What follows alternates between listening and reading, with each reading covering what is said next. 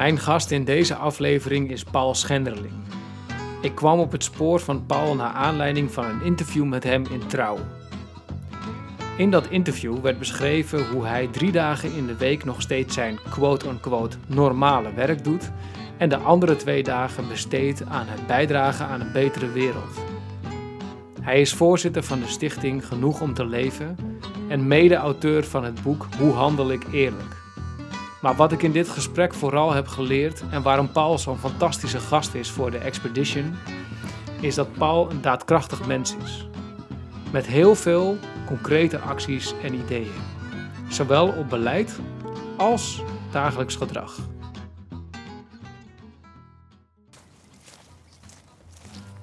Welkom bij The Expedition, een podcast van Expedition Good Life met Daan van Lid als host. In deze podcast gaan we samen op zoek naar leiderschap dat zich ten dienste stelt van een betere wereld.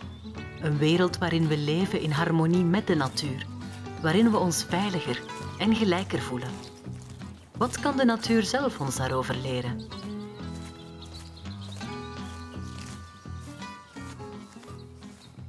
Dag Paul en welkom in de Expedition. Dankjewel, leuk om hier te zijn. Die, uh, dat plezier is geheel uh, wederzijds. Ik, uh, zoals elke gast, vraag ik je om te vertellen over jouw betekenisvolle plek in de natuur. Dus kun je ons vertellen, wat is jouw betekenisvolle plek in de natuur? Ik zie de natuur echt als een vorm van expressie. Mm -hmm. dus hoe de natuur ervoor staat, dat zegt ook iets over hoe de samenleving ervoor staat.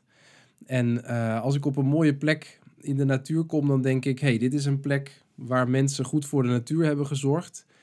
En als ik een plek zie waar kaalslag is of het is er uh, uit balans, dan denk ik: hey, daar, uh, daar mist een stukje zorg. Dus dat is de manier waarop ik uh, naar de natuur kijk.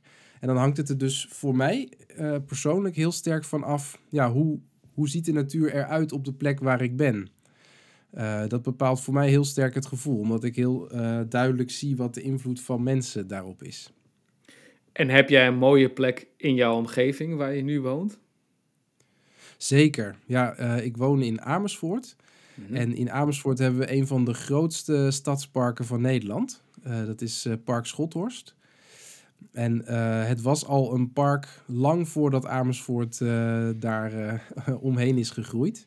Mm. Dus er staat onder andere een, een, boom van vele honderden jaren oud en nog veel meer oude bomen. Echt een stukje ongerept park. En uh, daar kom ik graag.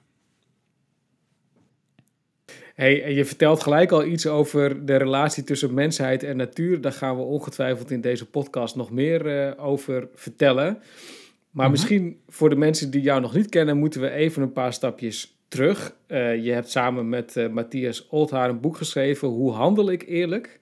En daar is een hele beweging uitgekomen, genoeg om te leven. Nou, kun je eens vertellen wat de gedachte achter dat boek is en die beweging? Ja, zeker. Het gaat best wel ver terug, moet ik zeggen.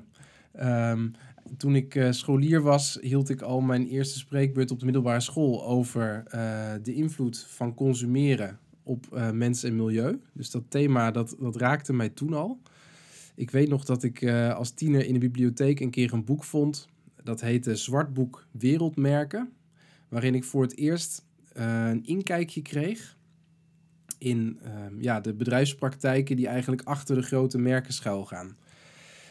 En dat heeft me toen al een beetje uh, wakker gemaakt voor de negatieve effecten van ja, ons consumptiegedrag uh, op de aarde en, en ook op uh, mensen die we uitbuiten helaas voor de producten die we maken. Um, toen hebben, Matthias kende ik toen ook al. Die ken ik ook uh, sinds mijn tienerjaren. We hebben toen eigenlijk een heel verschillend pad gekozen. En ik denk dat dat nog wel aardig is om even te vertellen van hoe onze paden wat uiteen gingen en hoe ze daarna weer bij elkaar kwamen. Uh, hoewel we al die jaren vrienden zijn gebleven overigens. Het gaat meer over de verschillen in keuzes. Maar uh, Matthias koos ervoor om veldwerk te gaan doen.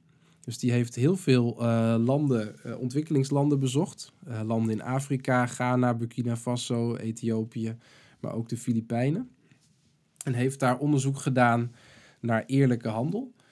En heeft gekeken in hoeverre het mogelijk is om uh, ja, de primaire producent, dus kleine boeren in Afrikaanse landen, uh, ja, eerlijker te betalen.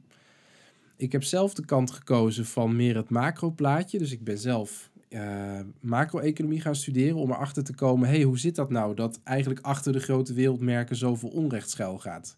Om daar meer inzicht in te krijgen. En ik ben zelf meer de beleidswereld uh, ingegaan. En in 2019 kwamen die beide wegen weer bij elkaar. En dat kwam eigenlijk bij elkaar in één berekening. Wat een, wel een bijzonder verhaal is. Zeker. Het verhaal is dat wij uh, hadden allebei een documentaire gezien over uh, sweatshops in Bangladesh. Waar kleding wordt gemaakt onder uh, mensonterende omstandigheden.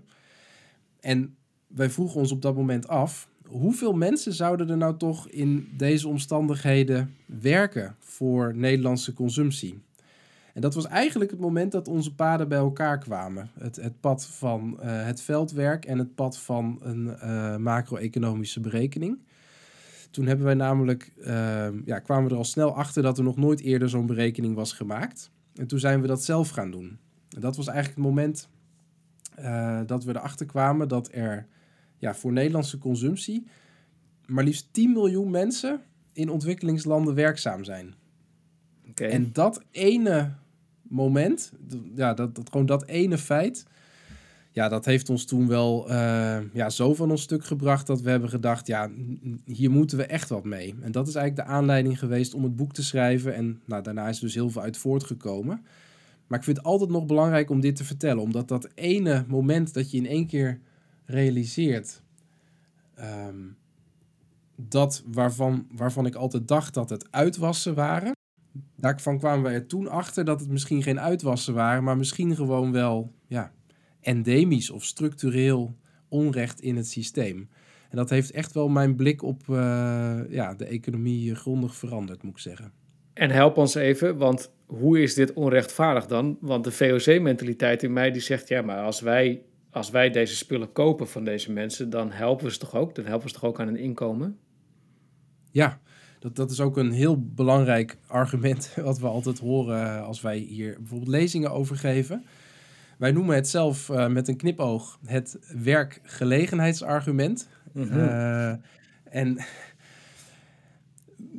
wat wij erop tegen hebben, is dat uh, de belofte die van het werkgelegenheidsargument uitgaat, namelijk dat die werkgelegenheid die wij bieden doordat we zoveel goedkope arbeid importeren, uiteindelijk ontwikkelingslanden ook uh, naar een pad tot ontwikkeling brengt, dat die belofte uh, niet uitkomt. En uh, eigenlijk al decennia lang niet uitkomt. Terwijl aan de andere kant we al wel decennia lang de vrucht van de arbeid van miljoenen mensen hierheen verschepen. Hmm. En dat betekent dat eigenlijk, dat als je gewoon heel erg feitelijk gaat kijken van wat gebeurt hier nou, dan betekent het dat we voor een habbekrats uh, het werk, het zwoegen jaar in jaar uit van 10 miljoen mensen hierheen importeren, zonder dat ze daar op lange termijn iets voor terugkrijgen. Hmm. En dat vind ik echt onverteerbaar. En het onverteerbare vind ik dat als ik dan bedenk, hoe zou je die arbeid ook hebben kunnen inzetten? Ja, dan denk ik, dat had je ook kunnen inzetten om die economieën daar op te bouwen. En dan was er misschien wel wat van die ontwikkeling terechtgekomen. Dus ik vind het een soort um, ja, diefstal van arbeid die beter ingezet had kunnen worden. Omdat, ja. uh, omdat het zo loopt. Dus deze mensen zijn daar helemaal niet beter van geworden? Ik denk het uh, inderdaad van niet. En dat heeft ook te maken met een ander uh, belangrijk aspect, wat in de mainstream economie eigenlijk amper aan de orde komt. Dat is een heel belangrijk begrip, dat heet veerkracht. Mm -hmm. Dat raakt ook heel mooi aan jouw eerste vraag, Daan, over je betekenisvolle plek in de natuur. Toen had ik het er al een beetje over. Uh, je kunt aan de natuur aflezen hoe mensen ermee zijn omgegaan. Nou, dat heeft heel erg met veerkracht te maken. Dus ook ecosystemen zijn veerkrachtige systemen. En ze kunnen een stootje velen. Uh, dus wij, wij kunnen bij wijze van spreken best een aantal bomen in een bos omhakken. Maar als je te ver gaat daarin, dus als je het ecosysteem te ver aantast, dan kan de veerkracht vanaf een bepaald punt, soms is dat zelfs wel een tipping point, uh, gebroken raken en dan kan een ecosysteem instorten. En eigenlijk gebeurt dat ook met sociale systemen in ontwikkelingslanden. Dat is weer de, de, de veldwerkcomponent, om het zo Ja. uit te drukken. Dus Matthias heeft in het veldwerk gezien dat als je lokale, veerkrachtige eh, sociale gemeenschappen in ontwikkelingslanden ontwricht, om industrieën te scheppen. Dan heb je daar een korte termijn winst van. Dus je verdient een beetje geld met uh, het werken daar. Ja. Maar het veerkrachtige systeem wat je daarvoor had, die sociale gemeenschappen, die krijg je eigenlijk nooit meer terug. En als dan vervolgens uh, een bedrijf besluit om die industrie te verplaatsen, en dat gebeurt helaas met grote regelmaat, want dat heet vrij verkeer van kapitaal. En dat Ja. is het idee waar globalisering op eh, gestoeld is. Dan is wel die gemeenschap vernietigd en de veerkracht vernietigd, maar dan komt daar niks meer voor in de plaats. En in feite, ja, wat er met ecosystemen gebeurt, gebeurt dus ook met, eh, met gemeenschappen.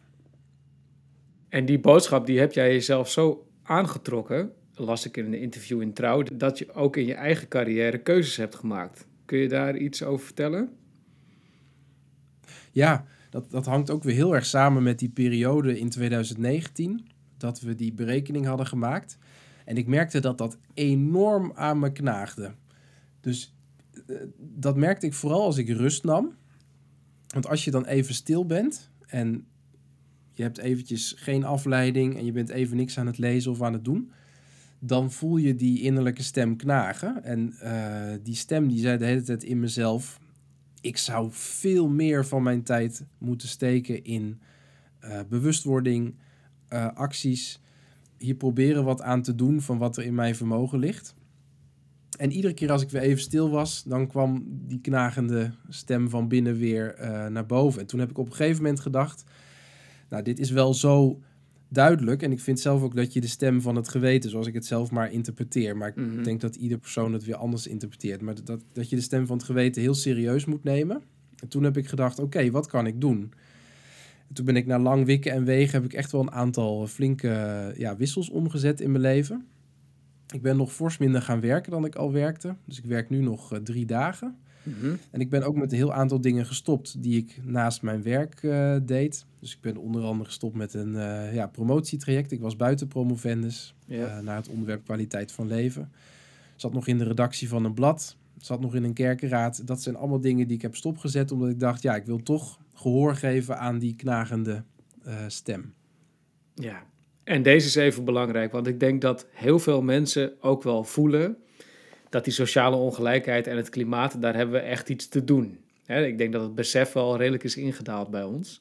Ja. Ik spreek alleen in mijn eigen praktijk ook mensen die zich onmachtig voelen om daar iets aan te doen, omdat het zo moeilijk is. En dan komt ook het, bijvoorbeeld het, het argument van, maar ik heb thuis ook eh, monden te voeden, ik heb een hypotheek te betalen, ik heb, nou ja, er zijn allerlei constructen waar ik mezelf in begeef, waardoor ik niet zo'n ka- Mhm. keuze kan maken als eh, Paul bijvoorbeeld nu doet. Wat, hoe, hoe doe je dit dan? Want je, je raakt iets aan wat voor heel veel mensen volgens mij hartstikke moeilijk is.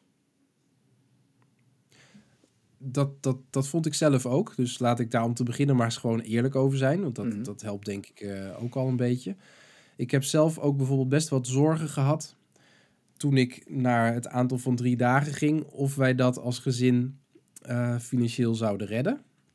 Dus ik heb een vrouw en ik heb een zoontje van drie. En ik had inderdaad ook dat verantwoordelijkheidsgevoel van, ja, als ik dit ga doen, als ik deze keuzes maak, hoe zal dat dan uitpakken voor, eh, voor ons? En omdat ik ook niet precies wist, fiscaal gezien, ja, met wat voor eh, netto inkomen je zou eindigen als je dat zou doen, was ik ook best een beetje bezorgd van hoe zal dat aflopen. Ehm, dat viel overigens reuze mee, eh, uiteindelijk. Ehm, en dat had vooral mee te maken dat als je gaat kijken ehm, wat je echt nodig hebt, en dat, dat noem ik zelf leven van genoeg of eenvoudig leven, blijkt dat je eigenlijk met minder toe kunt dan wat nou, bijvoorbeeld marketeers je voorspiegelen. Dus we, we, we leven toch in een land waar heel veel behoeften op de een of andere manier gecreëerd zijn. En ik noem het bewust gecreëerd, omdat Ja. die behoeften misschien niet zouden bestaan als we die niet ja, opgedrongen zouden krijgen. En zo ben ik zelf ook wel een beetje gaan, gaan schrappen in mijn behoeftes. Althans, waarvan ik dacht eh, dat het behoeftes zijn, maar die Ja. misschien gecreëerd eh, bleken te zijn. Ik heb daar ook best wel eh, wat Kill Your Darlings toegepast. Eh, om een voorbeeldje te noemen. Ik, ik, ik houd er altijd van om boeken echt zelf te hebben. Oh ja. Ik ben een fervent lezer. Eh, heb op een gegeven moment gedacht, ja, Kill Your Darlings, eh, als je het van de bibliotheek kunt lenen, waarom moet je het dan hebben? Nou, en, en als je één voor één je keuzes zo afgaat, blijkt dat je als je leeft van genoeg echt minder nodig hebt. En dat maakt het uiteindelijk mogelijk. Dat is dan ook een beetje het antwoord op die vraag. Om echt fors minder te werken. Want ik denk dat met drie dagen werk, uh, dat je daardoor gewoon zoveel tijd overhoudt. Dat je ook echt geloofwaardig uh, aan de slag kunt met je idealen. Ja, dus je hebt de realiteit eigenlijk van je eigen, uh, hoe zeg je dat? Van je eigen boodschap onder de ogen gezien en gezegd: oké, als ik dan keuzes wil maken, dan doe ik dat op deze manier en dan gaan we dat ook gewoon doen.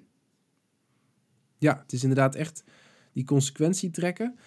En uh, het is ook een kwestie van geduld in dat opzicht.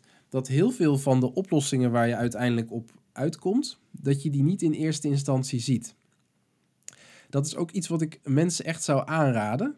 Ik denk dat als wij voor een grote keuze staan of voor een heel groot uh, maatschappelijk probleem. En uh, nou, Daan, je noemt eigenlijk twee problemen. Hè, dus het ecologische probleem en het probleem van uh, mondiale ongelijkheid. Mm -hmm.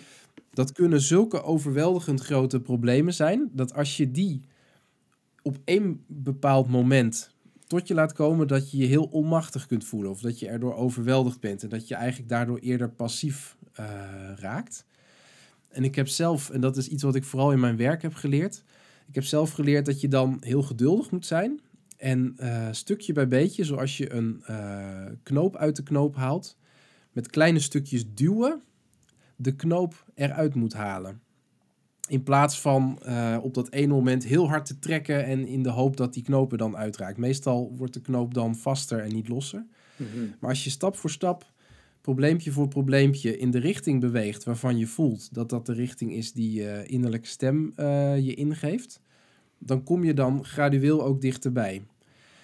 Want ik noem nu net een soort samenvatting van de keuze die ik heb gemaakt. Maar eerlijk gezegd was het helemaal niet zo dat ik daar op één moment op was gekomen. Nee, dat is echt stapje voor stapje geweest. Dat ik in de richting beweeg waarvan ik denk dat het de goede richting uh, is. Ja. En zo zou ik het ook echt aanraden. Van probeer het probleem op te breken in kleine uh, brokjes en probeer dan stukje bij beetje uh, daar uh, mee aan de slag te gaan.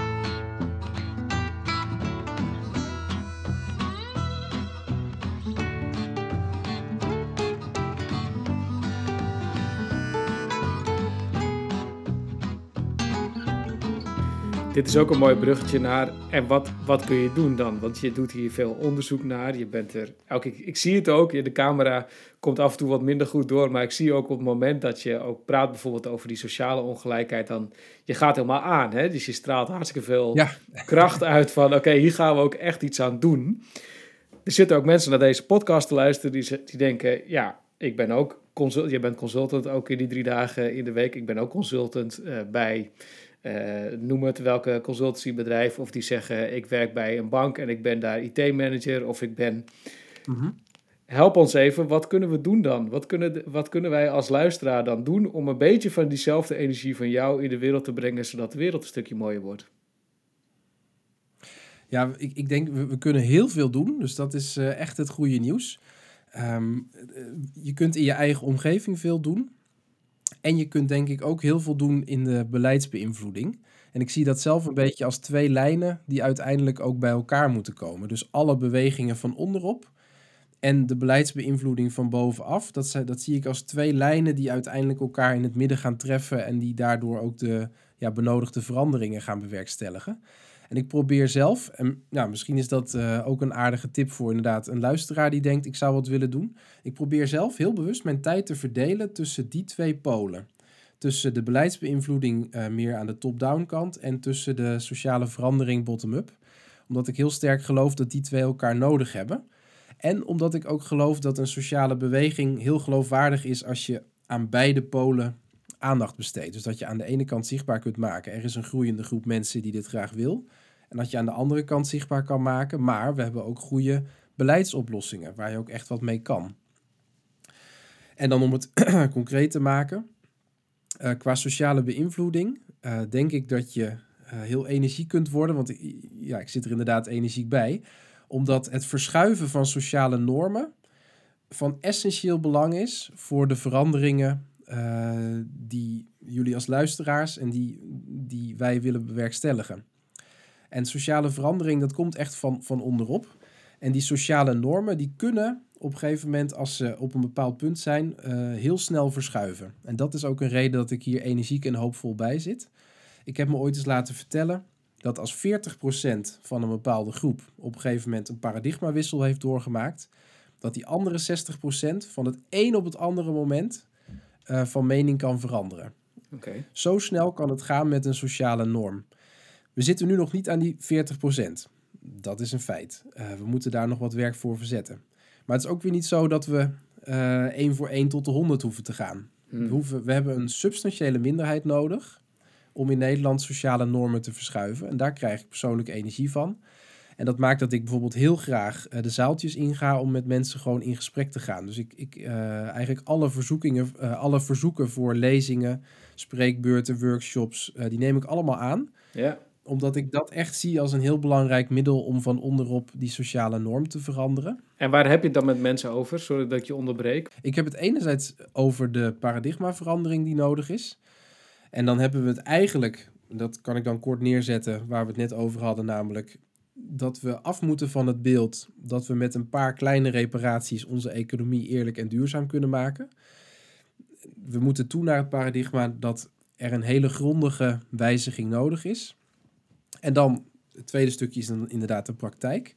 En in de praktijk, wat het meeste van allemaal nodig is, is echt minder consumeren. Dat is echt de kortste samenvatting van de boodschap die ik dan geef. Ik probeer dat wel echt in te kleden en ook met hele praktische tips in te vullen. Het begint allemaal bij spullen. Uh, van de impact top 10 is dat toch echt met afstand de eerste factor. Maar er zijn nog veel meer voorbeelden waar echt gewoon minder consumeren uiteindelijk de grootste impact heeft op een uh, socialere en duurzamere wereld. Dus dat is waar ik het in de zaaltjes veel met mensen over heb. Waarbij ik ook echt de verbinding probeer te leggen met de emoties die mensen daarbij voelen. Want ja, we hadden het er al over. Het probleem is heel overweldigend. Dus mensen voelen daar heel veel bij. Aan de andere kant is er natuurlijk de sociale druk van de bestaande normen. En die bestaande normen zijn gewoon heel sterk. En die bestaande mhm. norm is onder andere dat je veel nieuwe spullen hebt en uh, dat je je per auto verplaatst. En uh, is een heel plaatje als het ware in ons hoofd van hoe ons leven eruit zou moeten zien. Nou, en het afscheid nemen van dat plaatje, ja, daar probeer ik ook in de gesprekken echt bij, uh, bij stil te staan. Ik vroeg naar iets wat ik op de site ook had gezien. Hè? Minder eh, vlees eten bijvoorbeeld, eh, meer je spullen repareren, dat soort dingen. Maar het gaat dus niet alleen maar over die hele kleine praktische dingen, maar ook om de gedachte en emotie die we daaraan gekoppeld hebben. Dat is wat je in het gesprek met mensen doet. Ja, ik kom er steeds meer achter dat de verbinding met de emoties die erbij komen kijken, essentieel is om een gedragsverandering te helpen bewerkstelligen. En wat is die emotie? Wat zijn dan voorbeelden van emoties die we erbij hebben? Het is een heel breed scala aan emoties. En ik probeer dus ook altijd daarnaar te vragen om erachter te komen wat in een bepaalde groep het sterkst speelt. Wat veel speelt ehm, is het gevoel van onmacht waar ik het over had. Uh, verdriet wat zo groot kan zijn, bijvoorbeeld omdat mensen denken: het is al zo ver bergafwaarts met de klimaatcrisis gegaan ik voel vooral zoveel verdriet dat we het al niet meer kunnen oplossen. Ja. Verontwaardiging en woede kunnen een grote rol spelen. Uh, bijvoorbeeld woede ten opzichte van uh, politiek leiders die eigenlijk geen leiding nemen. Maar ook dat kan, ja, eerlijk gezegd, als ik bij mezelf kijk, ook echt tegenhouden om in actie te komen, omdat er zoveel uh, passief leiderschap is.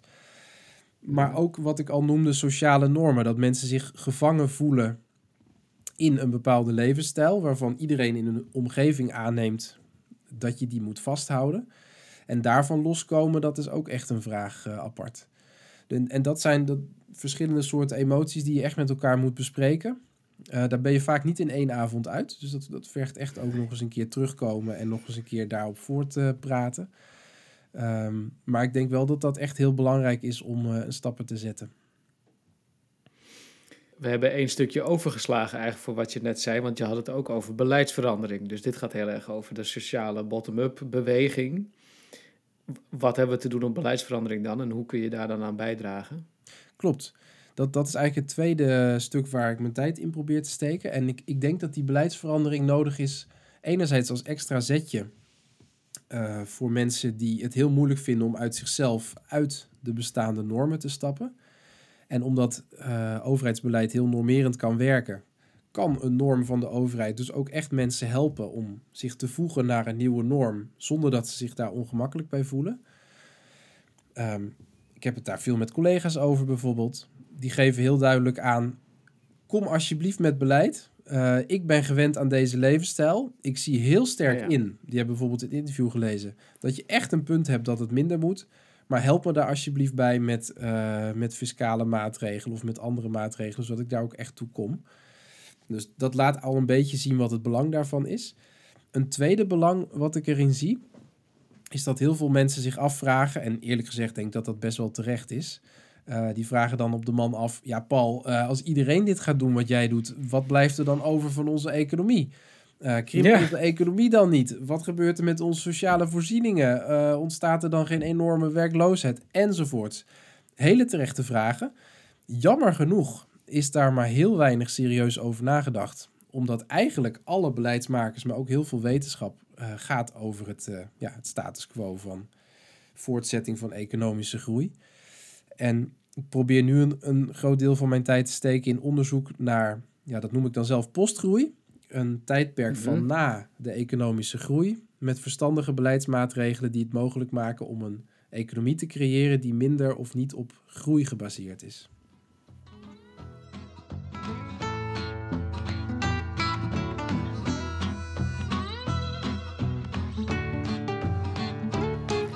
dat vind, ik, dat vind, dat vind zelfs ik spannend.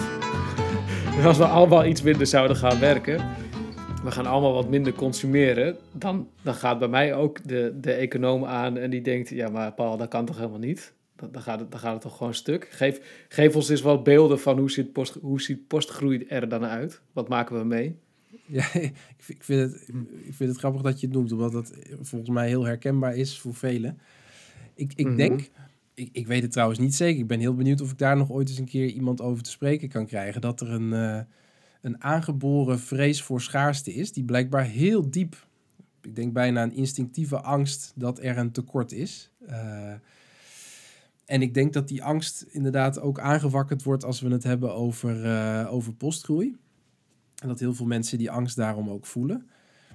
Um, nou, een van de redenen waarom ik denk dat het met die angst in de praktijk heel erg mee zal vallen, is het perspectief dat je in postgroei naast het aanpakken van de ecologische crisis ook de sociale ongelijkheid aanpakt. En als je die twee samen laat gaan, dan is het hele schrikbeeld dat uh, onze materiële welstand of dat onze gezondheidszorg of onze sociale voorzieningen erop achteruit zouden gaan, uh, grotendeels ongegrond. Hmm. En dat heeft uh, aan de ene kant te maken met de veroorzakers van het probleem. Het heeft aan de andere kant te maken met de middelen voor de oplossing. Dus als ik beide kort zou uh, mogen aanstippen, het, veroorzaken van het probleem ligt disproportioneel bij uh, de rijkste aardbewoners.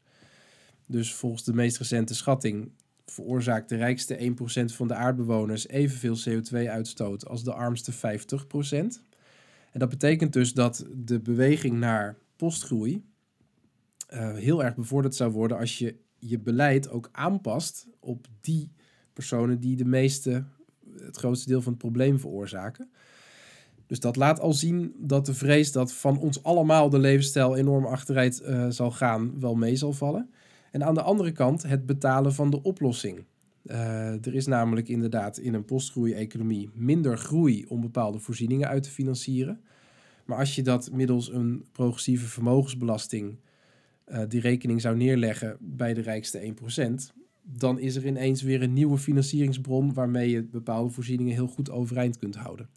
Dus hoe ik het zelf nu begin in te zien, is dat we die twee crises, dus de ecologische crisis en de ongelijkheidscrisis, als we die tegelijk aanpakken, dat er dan in één keer een perspectief vooruit uh, ontstaat. Ja, ik moet niet lachen om wat je zegt, maar ik moet even lachen om een gedachte die bij mezelf opkomt. Mm Want ik zit ineens te denken, dit klinkt ook heel socialistisch. Of vind je van niet? Ik, ja, wat, wat mij betreft mag je het socialistisch noemen. Ik denk dat je er heel veel labels uh, op kunt plakken.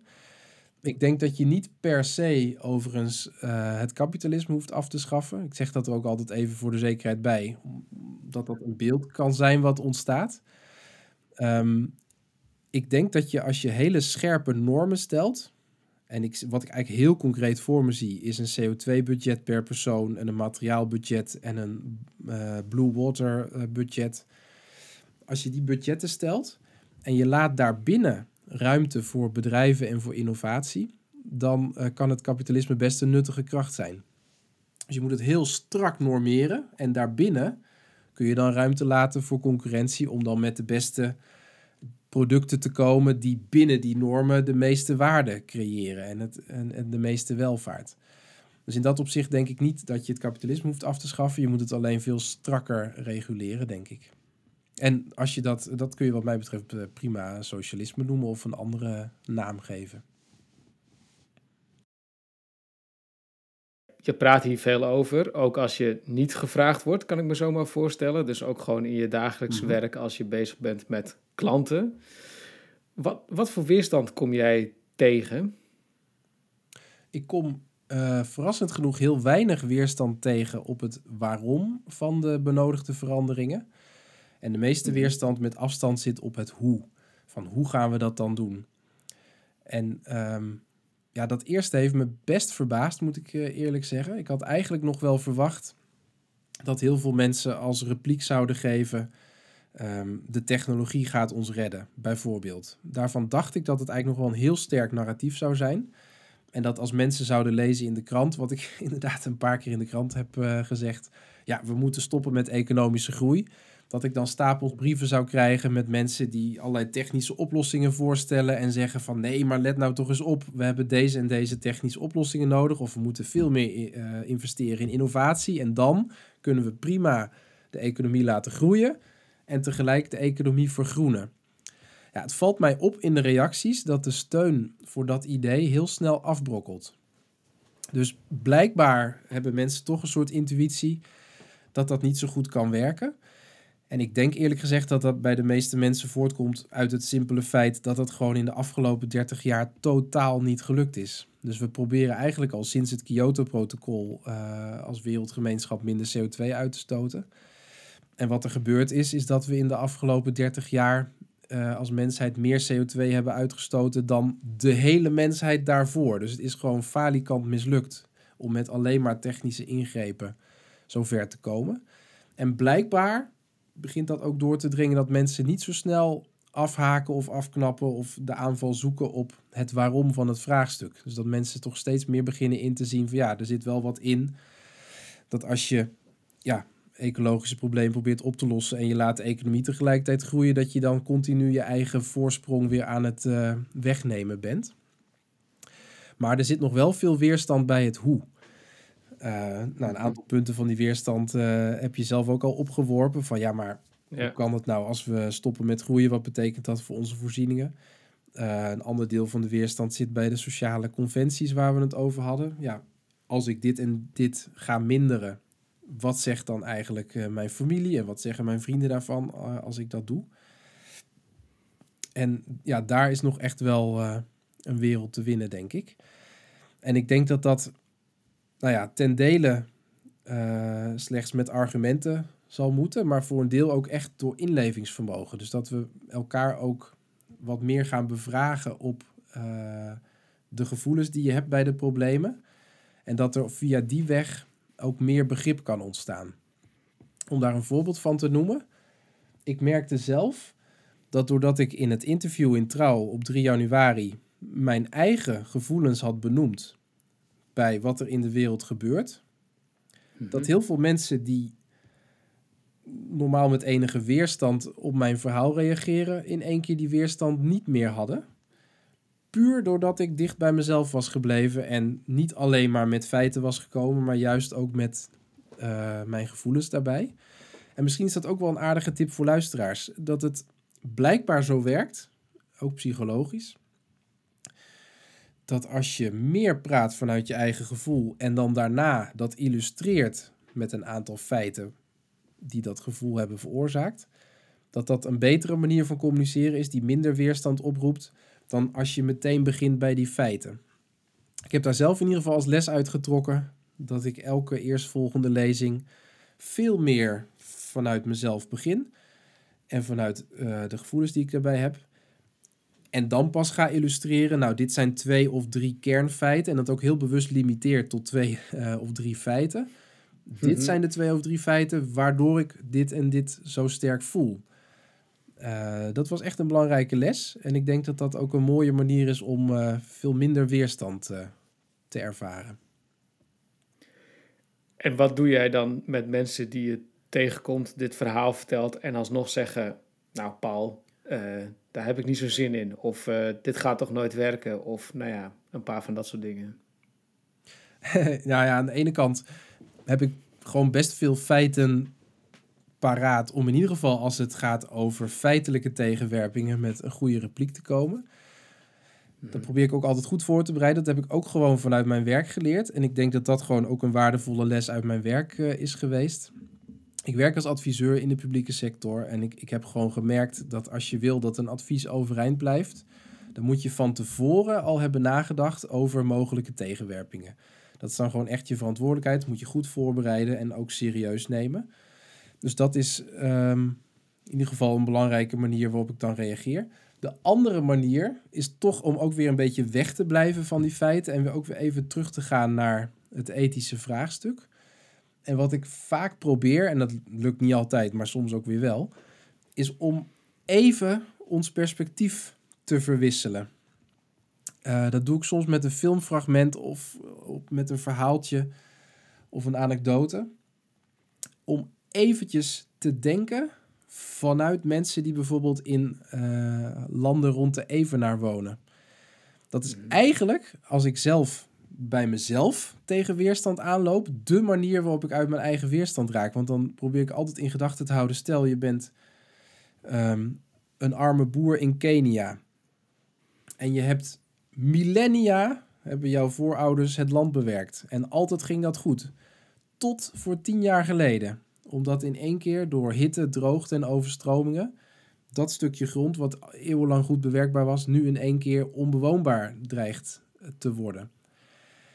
Nou, dan vallen eigenlijk onze eigen bezwaren en weerstanden vallen in het niet bij die situatie die die boer in Kenia nu al ervaart. En die perspectiefwissel kan heel erg verfrissend werken als je ergens in vast dreigt te lopen uh, bij jezelf of bij een groep, om eventjes weer in perspectief te zetten, oh ja, voor wie doen we dit nou eigenlijk? En ik denk dat dan menselijke empathie heel krachtig werkt.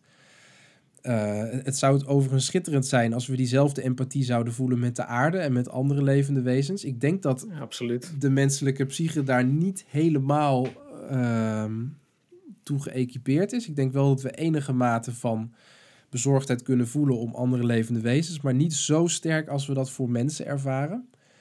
En dat is toch wel, ook omdat ik bij mezelf merk, een van de redenen dat ik denk, probeer dan maar in ieder geval een plaatje van mensen voor ogen te houden die in Kenia leven. En dan komen hopelijk de andere levende wezens in Kenia nog eventjes op de achtergrond daarbij, of eventjes ook in je gedachten.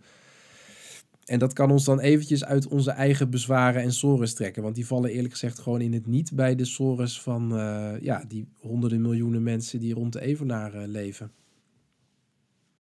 Paul, misschien als laatste vraag. Ik kan me voorstellen dat mensen naar deze podcast luisteren en denken: ja, inderdaad, jeetje, dat heeft hij allemaal goed op een rijtje en ik wil meedoen of ik ga ervoor. Um, ik zou ook zeker op de site gaan kijken, even genoeg om te leven.nl. Klopt. En ik kan me ook voorstellen dat mensen dan denken: ja, maar die baan waar ik nu zit, of dat bedrijf waar ik nu zit, ja, daar gaat het natuurlijk nooit gebeuren. Voordat we allerlei mensen uh, in een ontslagbriefmodus gaan krijgen, wat kun je wel doen in je eigen, eigen werk als je hier naar luistert, morgen als je weer naar kantoor gaat? In je eigen bedrijf kun je veel doen. Namelijk, uh, je kunt de eh, CO2-voetafdruk van je eigen bedrijf kun je aan de orde stellen en daar stappen in maken. Uh, voor een van de programma's die we met Stichting Genoeg om te Leven draaien, ben ik in contact gekomen met Rob van der Rijt.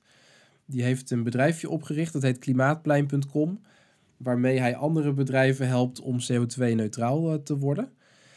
Nou, en onlangs, ik werk zelf bij een adviesbureau, um, ja, is ook ons eigen adviesbureau onder de loep genomen om echt een stuk milieuvriendelijker te gaan opereren. En dat is dus een van de dingen die je in je eigen omgeving al kunt doen. En eh, je zult versteld staan eh, als je naar je eigen huis kijkt en je vergelijkt het even met een kantoor of een eh, wagenpark van een bedrijf. Wat een enorme winst je daarmee kunt behalen. Dus daar kun je zeker wat in betekenen.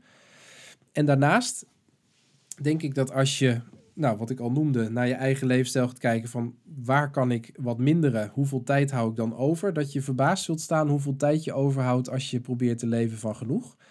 En die tijd kun je dan vervolgens steken in allerlei andere mooie initiatieven. Uh, en nou, je noemde ook al even van genoeg om te leven. Dat is waar ik zelf mee bezig ben gegaan. Binnen genoeg om te leven hebben wij drie programma's. Het eerste programma is dat we lokale communities proberen op te richten van groepjes mensen die proberen eerlijker en duurzamer te leven. Het uh, derde programma had ik ook al eventjes aangestipt. Dat is dat we een beleidsmanifest schrijven over postgroei. Het tweede programma heb ik eigenlijk nog helemaal niet genoemd. En is misschien toch wel inspirerend ook voor luisteraars om nog even mee te pakken. Het tweede programma wat we doen is dat we uh, productieketens willen gaan onderzoeken om uh, advies te geven welke producten je het best kunt kopen. Dat wil zeggen producten die eerlijk en duurzaam tot stand zijn gekomen en een lange levensduur hebben. En daarvoor hebben wij een exclusieve alliantie gesloten met een uh, Britse organisatie, die heet Ethical Consumer. En die voeren al sinds 1989 onderzoeken uit naar productieketens.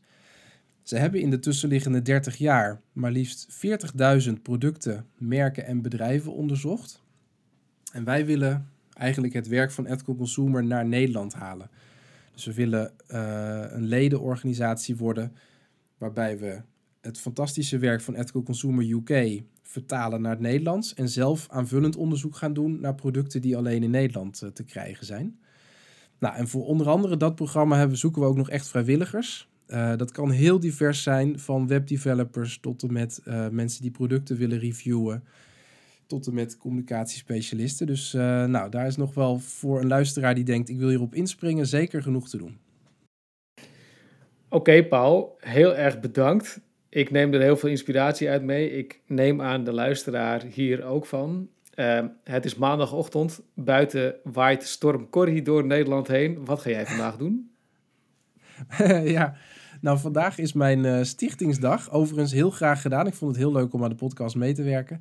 Vandaag is mijn stichtingsdag. Dat wil zeggen die uh, dag in de week dat ik aan activiteiten voor de stichting werk. Ik heb vandaag een paar mooie kennismakingsgesprekken. Ik heb onder andere ook een kennismakingsgesprek met een uitgever die mogelijk het beleidsmanifest wil gaan uitgeven. Dus ik kijk erg uit naar vandaag.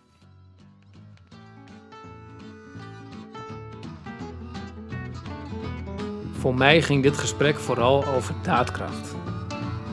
Natuurlijk is het lastig om in actie te komen. Onze norm los te laten en de wereld te bekijken vanuit echt verschillende perspectieven en niet alleen maar het paradigma waarin we zijn opgegroeid. Daadkracht is geen lijstje met concrete handelingen. En ik zou bijna zeggen, gelukkig is het probleem zo groot dat we er niet meer omheen kunnen. Dus we hebben daadkracht te tonen. En zoals Paul ook beschreef, natuurlijk zit daar emotie omheen. En is het niet makkelijk, en is het spannend en lastig. Maar gelukkig hoef je het niet alleen te doen.